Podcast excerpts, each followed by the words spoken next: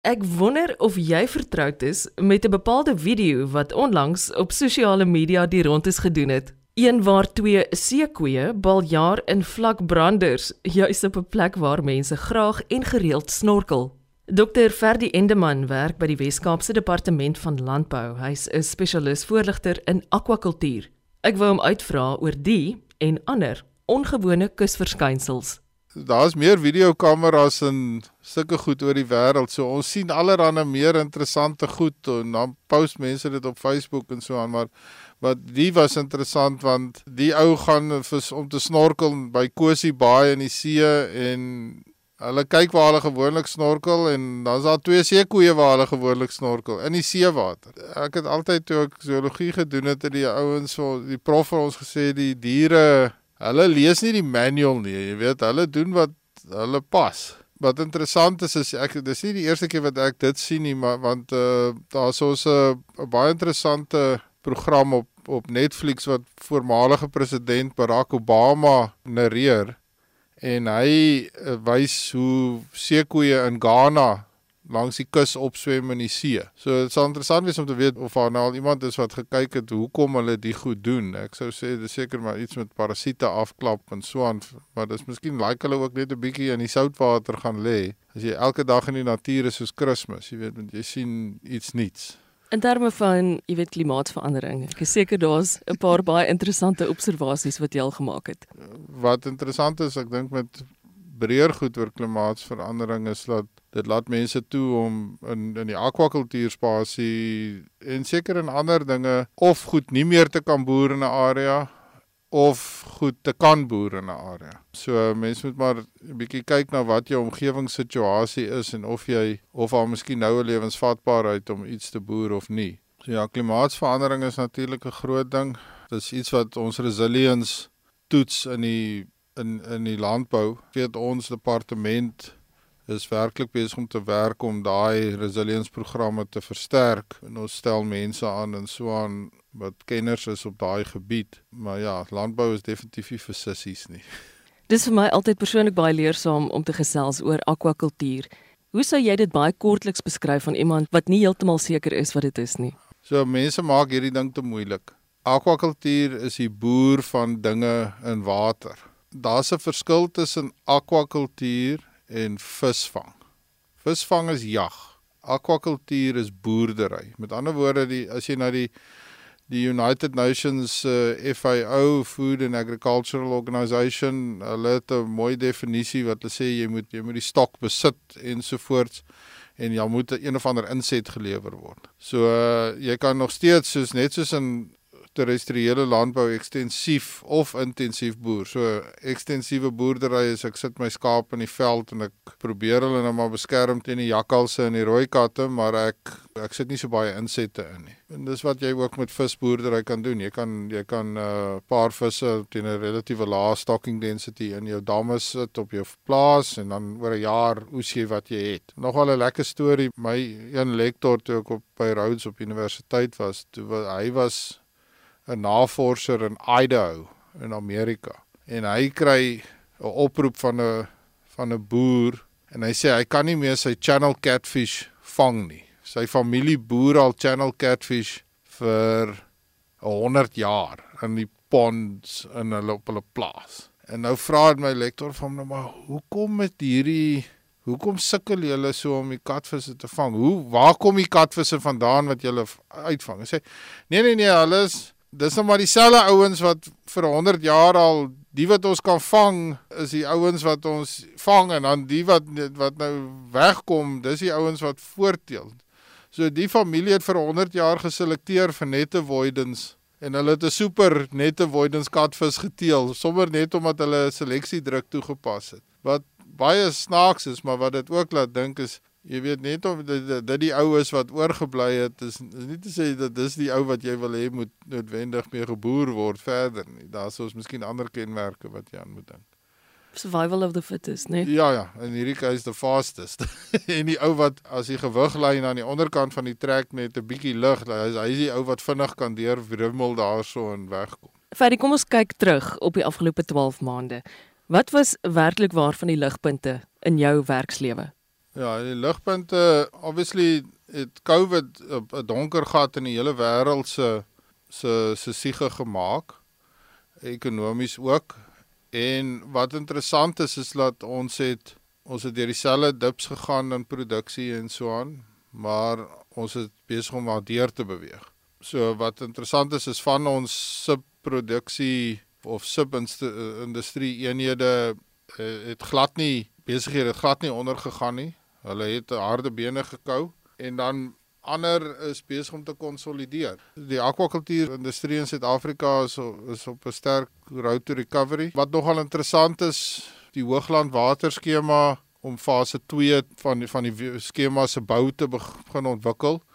So daar sal reeds besig om 2000 ton forel uit die Hoogland uit te kom in Katsiedam. So die vraag is nou gaan 'n mens nog akwakultuur expansion daar kan sien. So daar is positiewe goed.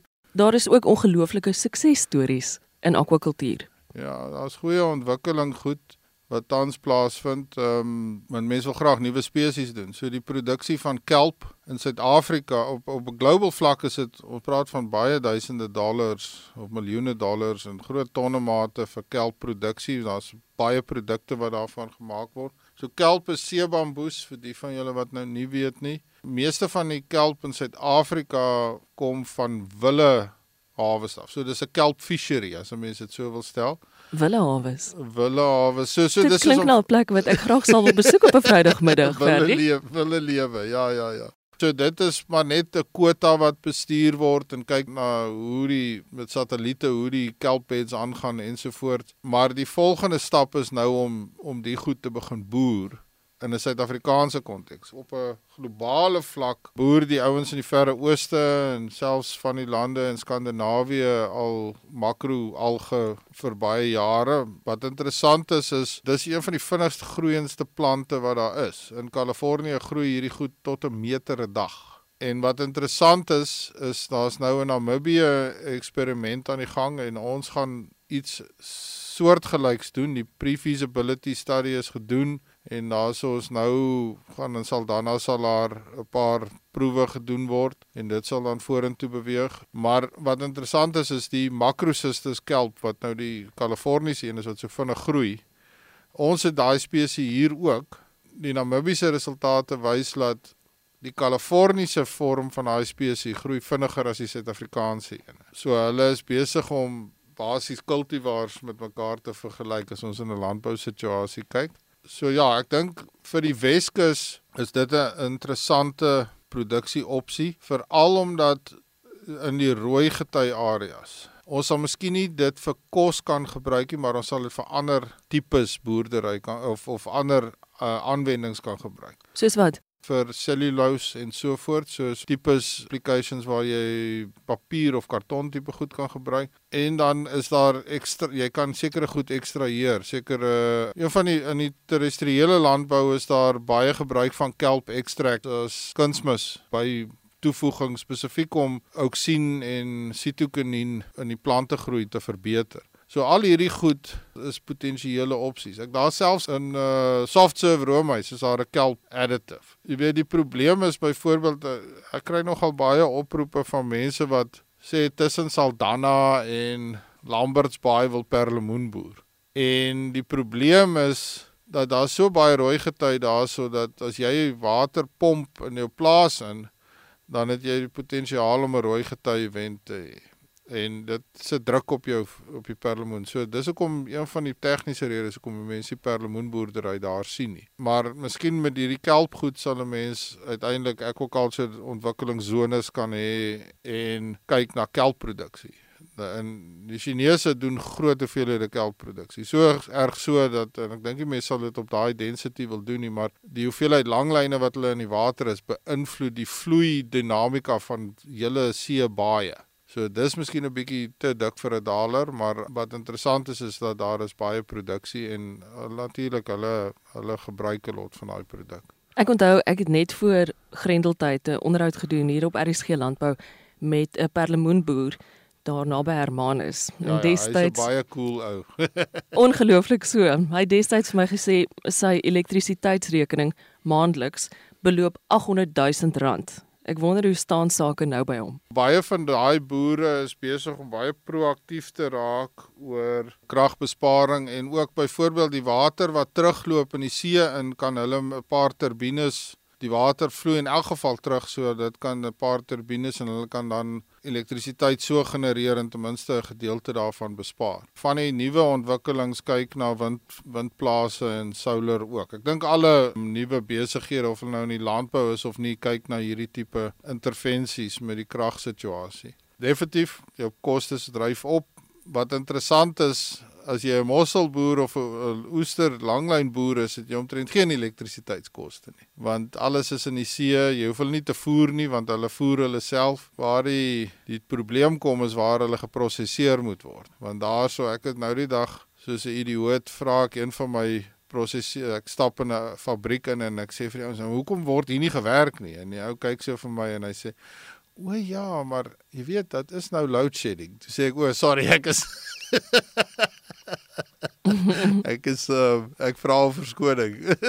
maar so dit is dis besig om 'n groot rol te speel in mense se lewens en beplanning ensovoorts. Jy weet as jy 'n 4 ure dip het, dis 'n halwe shift. Mense moet maar deur hierdie goed kom. Die perlemoenouens dink ek gaan nou gaan goed aan. Maar hulle het natuurlik ook 'n hoë waarde produk. Hulle het hoë risiko ook want die goed is lank, hulle vat lank om te groei tot op 'n markbare grootte maar ons het nog steeds 'n hoë hoë kwaliteit produk en uh, ek dink dit verkoop nog steeds goed.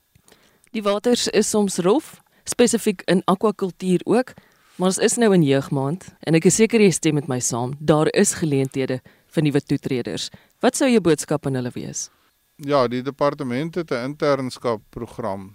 Jy kan gerus daarvoor aansoek doen as jy nou reeds gekwalifiseer is in 'n in 'n akwakultuurspasie en dan kan ons kyk om jou te plaas spesifiek by spesifieke besighede sodat jy 'n breë vakgebied goed kry. Daar's genoeg tersiêre opleiding veral nagraadse opleiding van honeurs af op. So daar's meer opleidingsgeleenthede deesdae vir ons het daai tipe goed ontwikkel vir mense wat miskien 'n standaard 8 het in sekere akwakultuur opleiding soek. Daar is moontlikhede. Nou die pad vir ons in Afrika in is ook is baie meer oop en daar's ons vir sekere spesies is daar beter geleenthede net omdat die omgewing beter is vir daai spesies noord van ons. Wat interessant is is Aquaculture Africa magazine is 'n online dokument en jy kan dit aflaai, inteken daarop maar hulle het ehm um, opleidings, hulle het uh, webinare wat verniet is, is gesponsor oor verskeie lot verskillende goed. So ek dink mense kan dit nog steeds luister as podcasts en so aan na die tyd. So daar is daar is opleidingsgeleenthede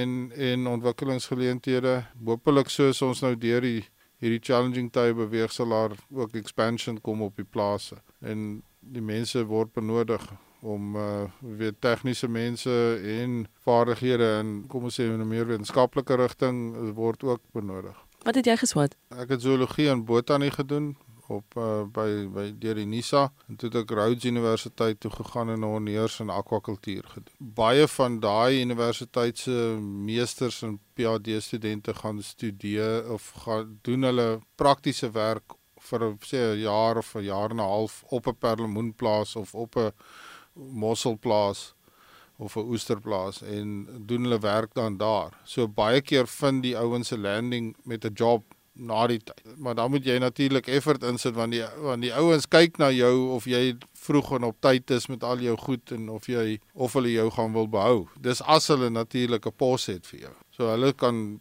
assesseer of jy 'n goeie fit gaan wees vir hulle organisasie en of jy gaan lekker kan saamwerk met die res van die mense daar definitief 'n manier om om 'n job te probeer kry is om seker te maak dat as jy as jy nagraads gaan swat dat jy geplaas word in die industrie en werk op 'n industrieprobleem wat jou dan bietjie meer diepte gaan gee om breër te verstaan wat aangaan.